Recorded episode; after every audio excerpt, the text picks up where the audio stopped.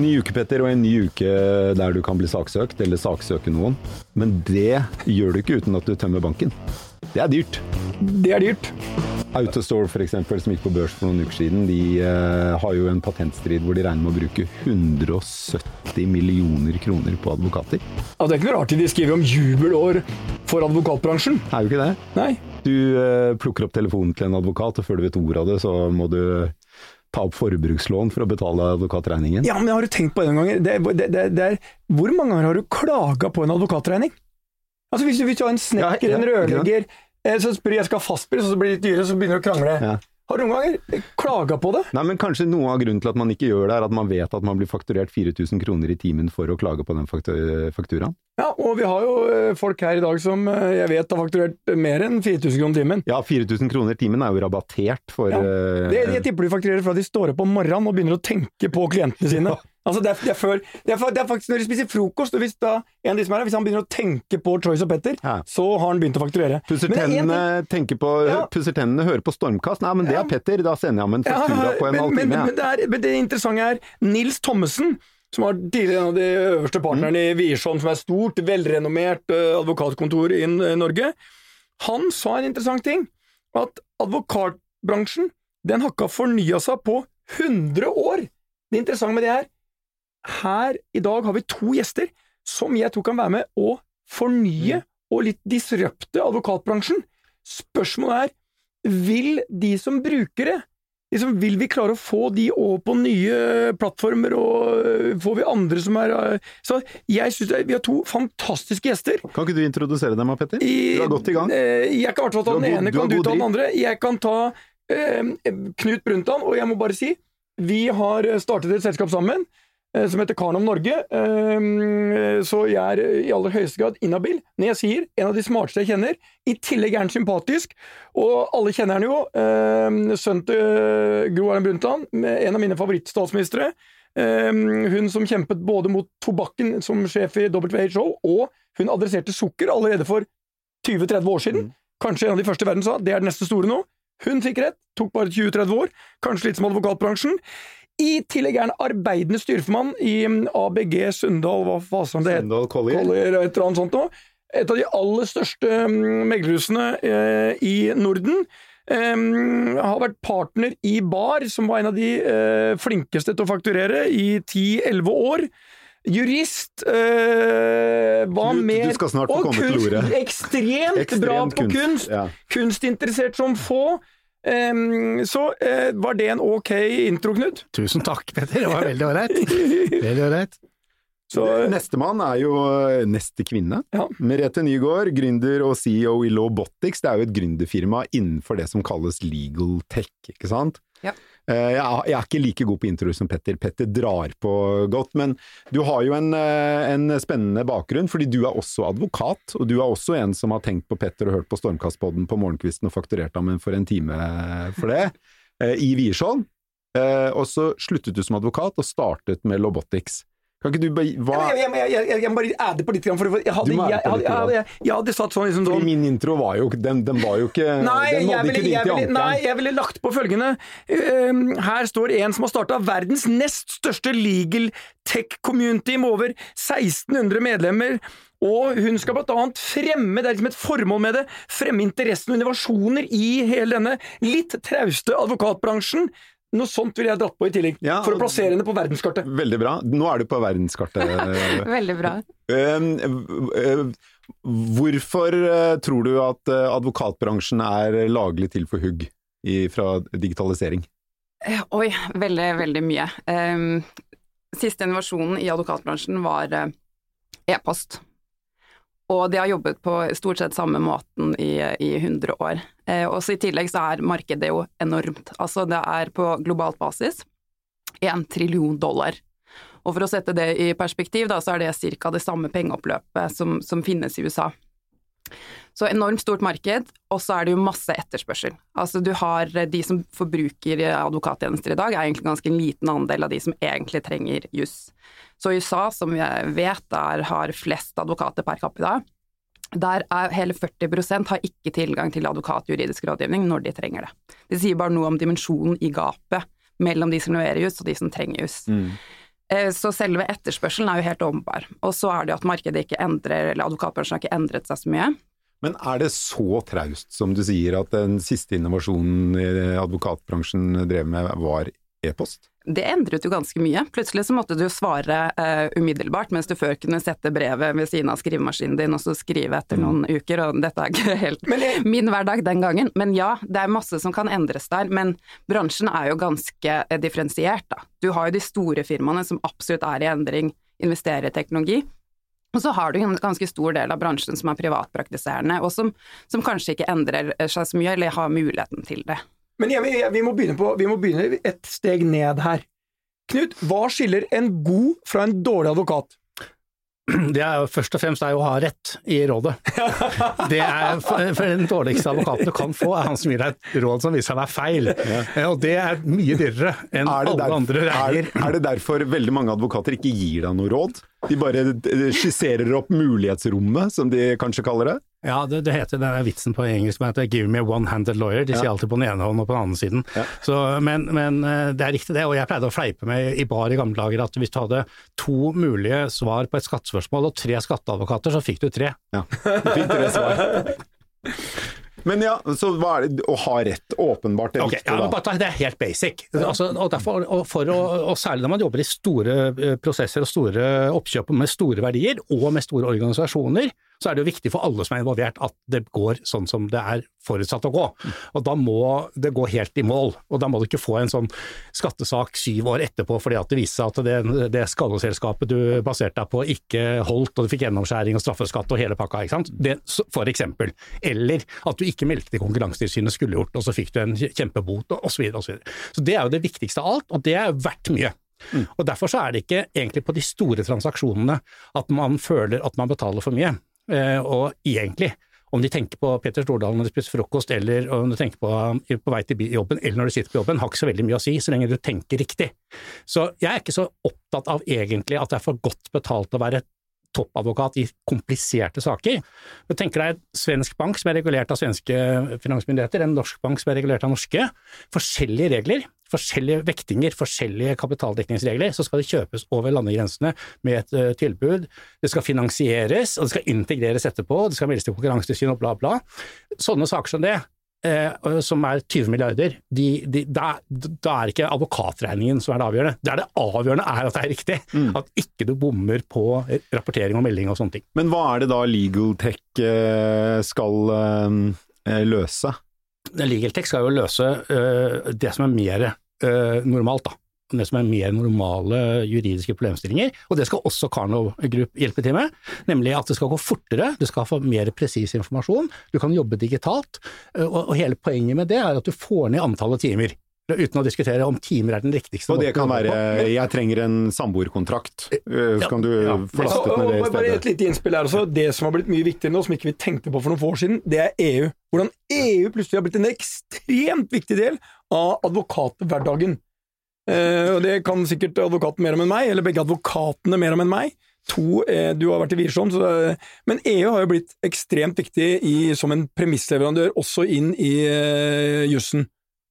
Altså, det jeg tenker Legal Tech kan gjøre, er jo radikalt endre måten man konsumerer juss på. Og så har man jo ulike eh, grupper. Du har jo advokater som konsument, men du har privatpersoner og bedrifter. Og så kan du jo si at juss er det praktiske utslaget av politikk, og da kommer det med EU eh, inn. Verden blir mer kompleks, alle må forholde seg til spilleregler som, som styres av juss, og da er det jo helt essensielt at eh, alle har en tilgang til å forstå juss. Og det er det Legaltech kan gjøre, er å tilgjengeliggjøre juss- på en helt annen måte. Og sånn som vi, som, eh, som holder på mest mot småbedrifter og ikke så mye mot advokater, vi fokuserer på hvordan kan vi hjelpe de å ta gode valg i sin hverdag. Og du spurte om hva er en god advokat. For meg er det, eller en god rådgiver egentlig, det er en god jurist og en god forretningsstrateg. Det er når du har den kombinasjonen, når du har en rådgiver som forstår bedriften din og det kommersielle aspektet, og kan rådgi, da får du ikke tre råd, men da får du det ene rådet som er best for bedriften. Ja, og som det er det du vil ha, og som du eh, er villig til å betale ganske mye for.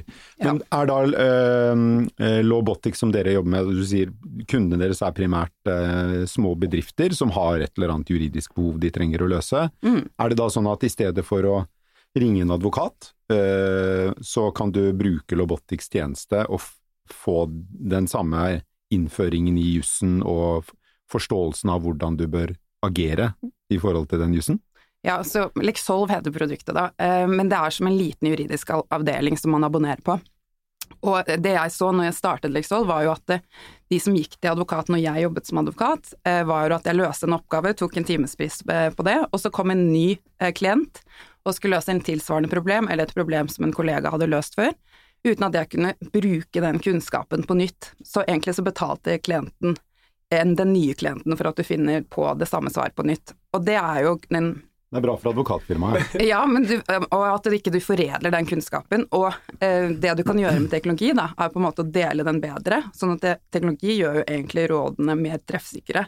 Når det er datadrevne juridiske råd, så får du jo eh, til slutt så vil teknologien gjøre at de rådene er bedre enn en advokat. Og da vil du få et ganske spennende skifte, for da er det jo ikke noe lenger vits å gå til advokat for mange råd. Jeg lærte en ting mens jeg hørte på deg nå, når du sa lex olv.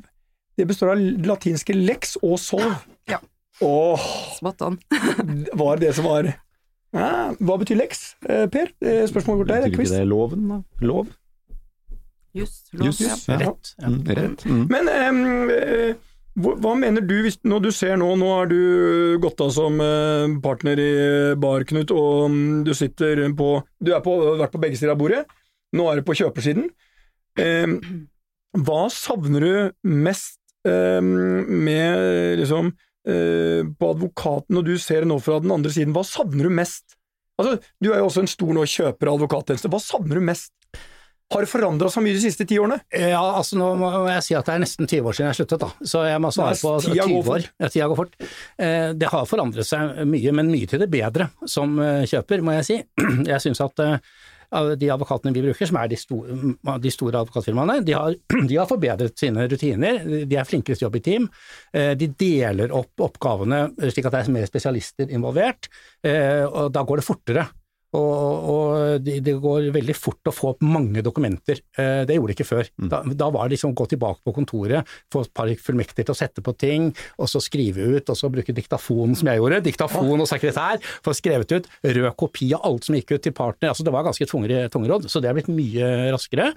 Og, og så er det blitt mye mer standardisert. Jeg husker vi jobbet ganske ofte med avtaler fra bunnen opp, egentlig. Vi tok jo noen klausuler, sånn lovvalg og jurisdiksjon, sånne standard jusklausuler tok vi jo inn standard. Men vi skrev veldig mye fra bunnen.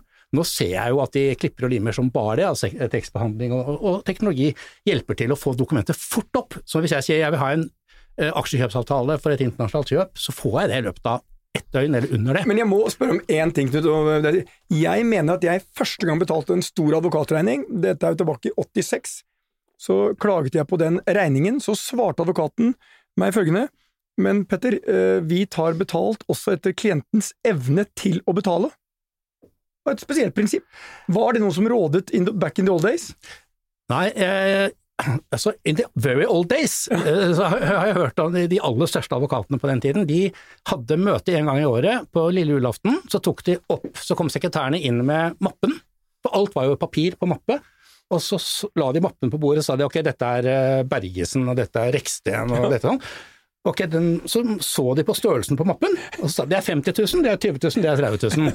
Eh, og det kom sikkert et lite element inn av eh, skjønn, skjønn nei, av hvor, hvor, rik eh, mottakeren av fakturaen var. Men det er også en veldig god vandrehistorie som sier at Sigvald Bergesen sendte tilbake en faktura i 1955 eller noe sånt. Den fakturaen, så der sto det, det var fra Thommessen, Eh, for juridiske tjenester i 1956 tillater vi også å fakturere kroner 5700 eller noe sånt. Det var ikke moms den gangen. Den fikk de retur, og da sto det bare jeg, ser det som helt uaktuelt å betale en så lav regning for alle de gode rådene dere har gitt meg i løpet av året. Ja, så det går litt sånn frem og tilbake, da.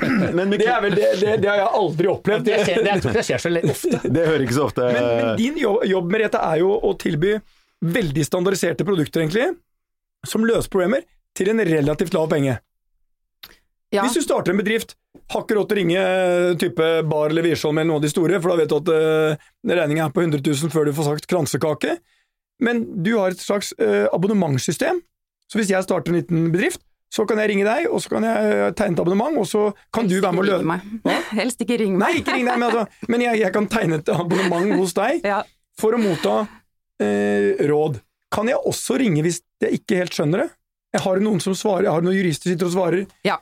Vi har jo en kombinasjon av altså, Vår lille juridiske avdeling består jo av teknologer, designere og gode gamledagse jurister. Fordi jeg tror ikke egentlig man kan fjerne eh, juristen helt fra, fra er en eh, ligninga. Er det en som bare jobber på dagen? God gammeldags jurist. Men, eh, ok, men eh, ja, fordi altså når jeg, De gangene jeg har kjøpt juridiske tjenester, så har jo sjelden mitt hovedproblem vært å forstå loven. Altså, fordi den kan jeg jo stort sett klare å lese meg til selv. Men det jeg har problemer med å forstå, og trenger erfaring til, er jo å forstå nyansene i hva er, liksom, hva er dekkende, hva er ikke dekkende, og hvordan vil dette kunne spille seg ut, og se de ulike alternativene spille seg ut, og hva er det mest sannsynlige. Det er jo, det, det er jo der jeg som, som bruker av advokattjenester har eh, søkt råd hos noen som kan gi meg altså nettopp det derre det, Per, det blir mest sannsynlig sånn, derfor bør du gjøre dette. Og, og er det mulig på noe tidspunkt å digitalisere den type øh, juss? Ja, det er det vi gjør.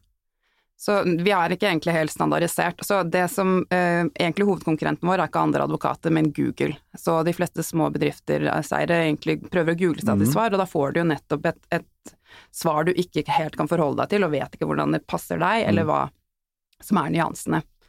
Så det vi eh, gjør er også å gi svar på det, på en, både en datadreven måte, og vi bruker da ulike teknologier til også nettopp skjønne hva dine preferanser er, hva er det dine behov er, og så tilpasser vi svaret til, til det. Hvis jeg da har en som eh, Arne, som eh, bor så langt unna arbeidsplassen at han eh, har lyst til å jobbe mye hjemmefra, jeg er ikke interessert i det, jeg vil at han skal komme på kontoret, og så vil jeg gjerne kreve det fordi han har ikke lyst, han mm. motsetter seg det. Eh, og Da må du gå til HR-avdelingen. Ja, men HR-avdelingen må jo også på et eller annet tidspunkt spørre en eller annen jurist, ikke er ikke sant. Og så hva, hva er da langt fra arbeidsplassen, når kan jeg kreve det? Ja, men altså, er, Altså- kan, jeg, kan, jeg liksom, kan jeg da følge opp i Lex Solv ja, men Arne sier at eh, det tar 35 minutter i gjennomsnitt eh, i løpet av en arbeidsuke å komme. Ja, nei, det er innafor, da kan du kreve det. Ja, men har det, det er jo så veldig mange andre ting som gjør at juss ikke er paragrafer, men forståelsen av Ja, dem, vi- utøvelsen av vi- dem Er dette Hei Siri? Kan eh, dette- Nei, Ja. dette er ikke en bot. Så her, eh, dette er en kombinasjon av teknologi, ja. teknologi og jurist. Så der vil du jo stille oss spørsmål. Etter hvert så blir teknologien smartere i å skjønne problemet ditt, sånn at vi raskere og raskere kan gi deg et svar, men det vil alltid være en jurist som eh, kvalitetssikrer det ja, svaret du For jeg må ha en jurist. Ja. En, et faktisk levende menneske. Nei, altså jeg, jeg, jeg, jeg, jeg, på, på det Karnov-produktet vi har. Ja. Da, da kan, hvis du abonnerer på det hos Lovdata, og så lurer du på Da vil det mest sannsynlig stå en kommentar utenfor den lovteksten, som, hvis du bare finner lovteksten, da, Ja. hvor det står eh, avstand til eh, arbeidssted, og der vil det stå en kommentar som svarer på det mest sannsynlig, eller hender deg videre til en ytterligere kommentar. Mm. Jeg hatt et lite eksempel, så kom en liten test på eh, ikke-jurister her. Tok vi den der fri rettshjelp-paragrafen som sier at du har rett til fri rettshjelp under visse, forhold, visse, visse forutsetninger, og så står det til slutt at med mindre det er urimelig. Og så tenker du, hva betyr det? Ja. Og da tenker jeg, alle som står i rommet tenkte jo fordi du er rik, eller du har god råd, da er det urimelig med fri rettshjelp. Det var ikke det som var svaret. Det, I kommentaren sto det følgende, det sto at fri rettshjelp innvilges ikke hvis du er en kranglefant, så sier jeg det på ikke-juridisk språk, hvis du er en kranglefant som har holdt på veldig mye med all, og alltid taper og bare surrer, da får du ikke fri rettshjelp. dårlig record, ja, det er bare belastning. Ja, det er Ja. urimelig. Men, så det er et eksempel på at du kan finne ganske mye ut selv hvis du bare går inn på loven, og så går du på kommentarene. Bare, bare. Nei, nei, men bare, altså, jo, men Lovdata er jo et fantastisk system som er gratis, hvor du kan, Du kan- søke. Ja, men jeg tenker det er egentlig På Google så finner du også masse riktige svar. Problemet er jo at det tar eh, tid også å finne frem til det, og at du ofte egentlig nesten må være jurist og utdannet i den profesjonen for å navigere da, til å få det riktig og være sikker på det. Men det, er- det er jo likevel som bruker eh, ka, eh, eh, Selv om Leksov eller Karnov da ga meg alle de svarene jeg trengte, så vil jeg, vil jeg likevel, før jeg tar den beslutningen, ringe en advokat. Du, hva tror du egentlig er? Bør jeg, bør jeg si til Arne at eh, kom deg på jobb på kontoret, eller så får du opps, eh, oppsigelse eller skriftlig advarsel? Jeg vil ha det mennesket som forteller meg, som jeg vet kan utøve godt skjønn. er det gode skjønnet som sånne som meg eh, søker i et menneske av kjøtt og blod, eh, eh, på vei ut? Kan det digitaliseres? Nei. Ja, altså jeg mener i utgangspunktet ikke det, for i utgangspunktet kan du finne uh, svar på mye selv. Du kan jo bruke vår løsning, du kan bruke Google og du kan bruke Karnov. Men vil du ha den der siste kvalitetssjekken fra et menneske, så mener jeg at det, det kan du få. Men det, teknologien gjør jo de menneskene ekstremt effektive, så de kan svare mange som deg i løpet av en dag. Mm. mm. Så at du ikke ender med å betale masse for det. Og det er egentlig, det er i hvert fall det vi driver med, og det er det jeg har troen på, at du har et menneske, eller vi kaller det jurist i loopen her, vi, vi er vi, det er jo viktig å legge til at her snakker vi mye forretningsjuss, det vi temaet. Så bare sånn, øh, de som lytter ikke Det er jo mange områder av jussen. Men jeg må innrømme en ting. Helt siden jeg begynte i business, så har Og det er, det er ikke noe reklame for uh, jurister, men eh, eh, advokatene for meg, som har jobbet med meg siden jeg begynte, har vært enormt viktig i min reise. Mm. Og jeg kunne aldri fått det uten deres hjelp. Og fordelen med en advokat at det, ja, jussen er på mange måter én ting av det, men du får jo i tillegg en ekstra rådgiver. Mm. Fordi du ofte bruker De har vært gjennom kanskje Kanskje dette er min første deal eller min andre deal. Så har de kanskje vært gjennom 15, og du er ung, og de vil hjelpe deg litt, og de har mange saker, og Så de har de kommer jo ikke ba, Det er ikke bare saken din, men det er all historien de har, mm. erfaringen. Så sier de kanskje ja, Petter, kanskje du skal gå i den retning, kanskje du skal gjøre det. Og så kan de gå i krigen for deg hvis de er gode. Mm. Altså, du de fronter de fronter de ubehagelige tingene. For det er mange vansker hvis du har et problem, Per, mm. og det er kanskje en du har hatt et uh, uh, samarbeid med et eller annet, og du mener det er dypt urimelig det du blir utsatt for, så er det vanskelig å si det. Merete, dette syns jeg er dypt urimelig, men kommer en annen person inn, som er litt, ikke uavhengig, men som er, er en tredjepart, så blir det en litt annen dynamikk i det.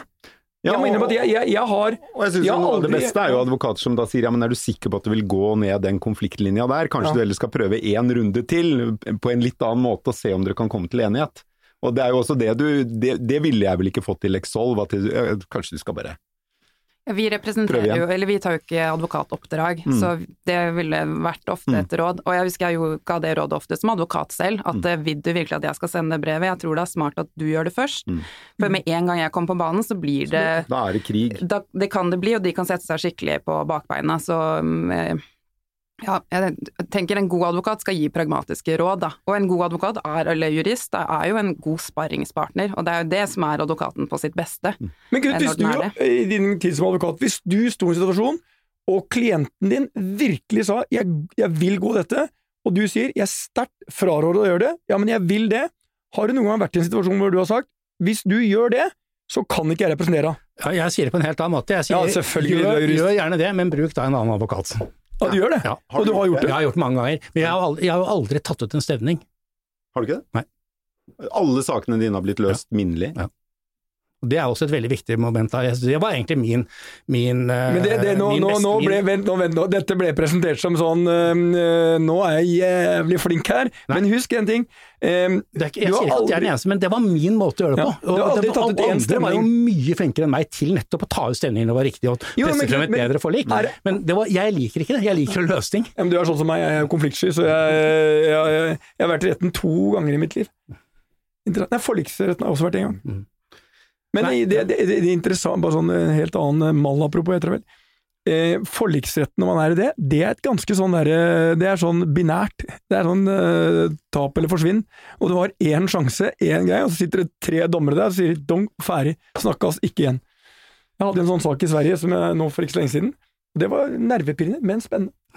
Det høres ut som uh, det er enighet i rommet da, om at advokater kommer man til å ha i all uh, fremtid, fordi man trenger det, men, den, det, menneskelige aspektet. Man trenger den gode rådgiveren som ikke handler om paragrafforståelse, men om skjønn og ja, fornuft. Men Per, det er ett spørsmål vi må svare på. Mm. Kommer vi til å nærme oss amerikanske tilstander i Norge?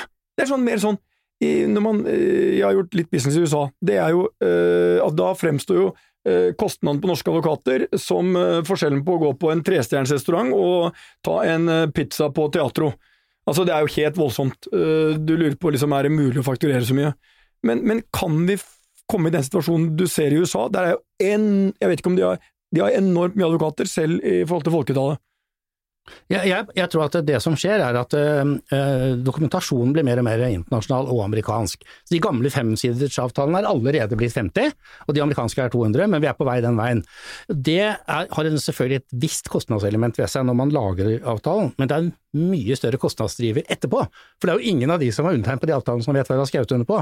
I gamle dager så visste jo mine klienter hva de hadde skrevet under på, på de fem uh, sidene. De kunne de tre-fire viktige tingene, og husket det eller skrev det ned. Nå er det veldig veldig vanskelig å skjønne hva betød egentlig den drag-clausen der, når er det den slår inn? Det gjør at advokaten får et etterarbeid som blir nesten løpende til, hele, til du dør, altså, eller til dealen er helt over. Det krever jo mer advokattimer. Eh, så de skaper egentlig et kjempeinteressant marked for seg selv gjennom å utvide dokumentasjonen. Men jeg tror også det går mot mer standardisering. For eksempel så er det et prosjekt som heter One NDA, som er fortrolighetsavtale som mange mm. bedrifter inngår hele tiden. Og mange store selskaper har nå blitt med med dette prosjektet, og det betyr at de eh, forplikter seg til å følge et standarddokument for dette, for dette er ganske sånn advokatmat. Er det EU-basert?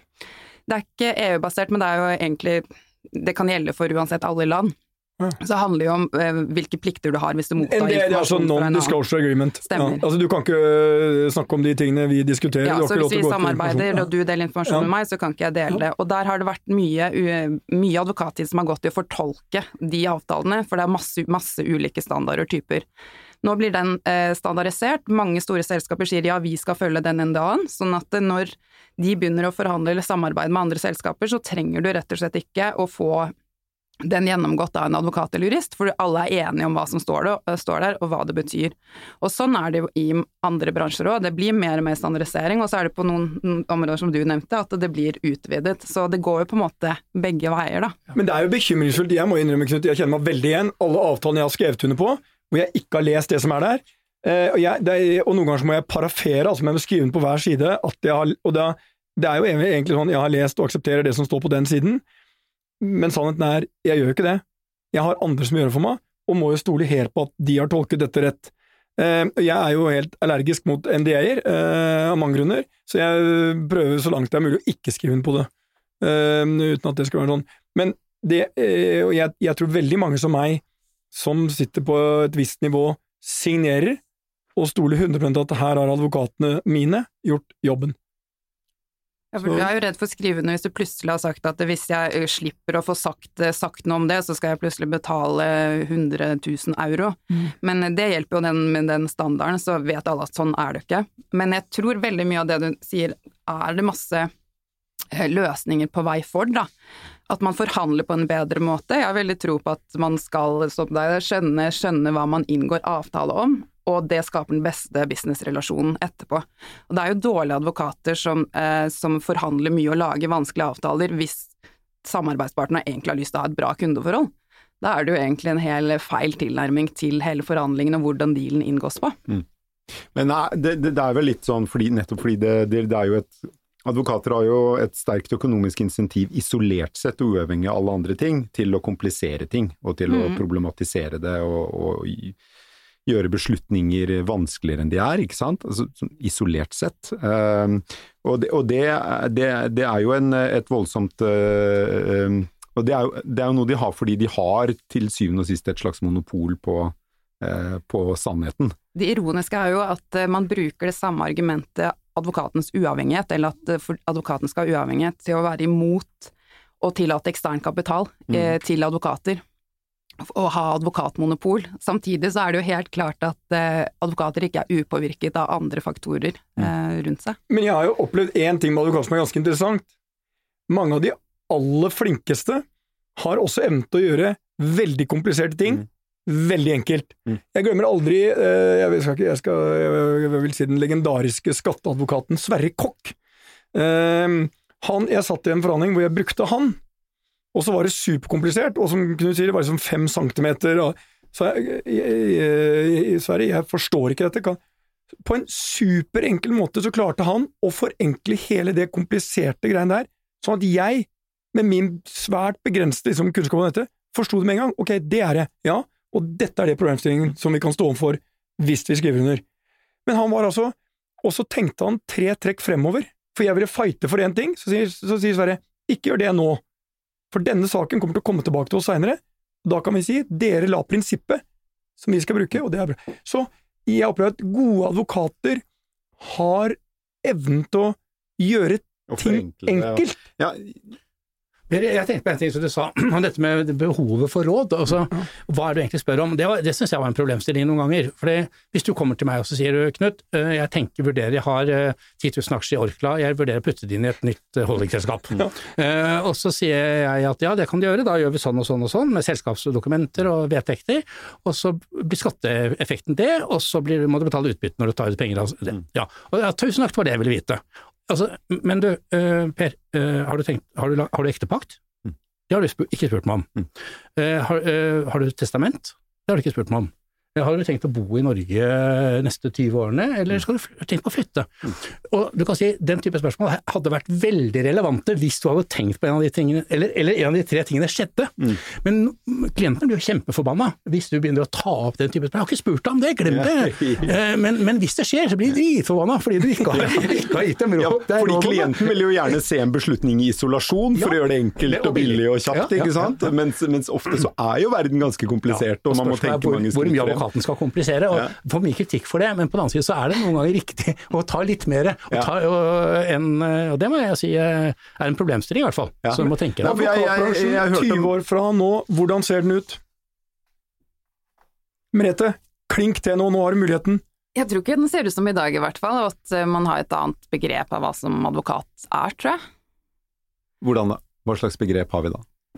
I dag så tenker man at advokaten går i, i retten, og kanskje i mindre grad som rådgiver, fordi selskap... Eh, altså I Norge så opphever jo vi advokatmonopol nå, for eksempel, og det er den trend som er, foregår i, i I dag er det egentlig sånn at det er bare advokater som kan gi rettsråd, altså juridisk rådgivning. Det blir opphevet der eh, i behandling i Stortinget nå, og det er en trend i, i hele Europa. England gjorde det for ti år siden. Så da får du jo eh, muligheten for å åpne for mye mer ekstern kapital, mye mer investering i teknologi. Så advokaten slik vi kjenner den i dag, tror jeg består i, i, i liten, altså i mye mindre grad. Du har mye mer spesialiserte advokater. Eh, Du har mye mer andre typer aktører som gjør det vi ser på som juridisk arbeid i dag. Advokaten er ikke borte, jeg tror vi egentlig får flere jurister, fordi verden fortsetter ikke å bli, eh, bli mer, eh, mindre komplisert, eller Hva tror du, Knut? 20 jeg- I tillegg til det du sier som jeg er enig i, så tror jeg at det blir nesten ingen små advokatfirmaer igjen. Altså én til to til tre. Fordi det går ikke, du klarer ikke å dekke nok juss. eh, Med mindre du er helt spesialisert på å gå i retten for noe og bor et sted hvor du får nok oppdrag. Så jeg tror at eh, antall advokatfirmaer kommer til å bli færre, og det kommer til å bli mye større. Og bare, det kommer bare til å fortsette. Og det har fortsatt. Konsolideringen fortsetter. Ja. Altså, i dag akkurat som i finnes- regnskapskontorer. Ja. Se hva Visma har gjort med regnskapsbransjen, liksom. Og en ting vi kan være helt sikre på, det er at folk kommer ikke til å slutte å krangle med naboen og høyden på hekken. Eh, eller slutte å eh, krasje eller prøve å lure hverandre. Så på en eller annen måte så vil man trenge juridisk hjelp, enten det er av mennesker eller Og teknologi. en annen ting vi kan være helt sikre på, advokatene eh, de kan fortsatt leve rimelig godt. For siste oversikt viste at de fire største advokatkontorene i Norge omsatte for 5 milliarder, og hadde et driftsresultat på 2,5. Så de har mye å gå på. De har mye å gå på. Det er, ikke, det er, det er bra å være advokat fortsatt. Det er jo det. Tusen takk skal dere ha for at dere kom i studio, Knut Brundtland og Merete Nygaard.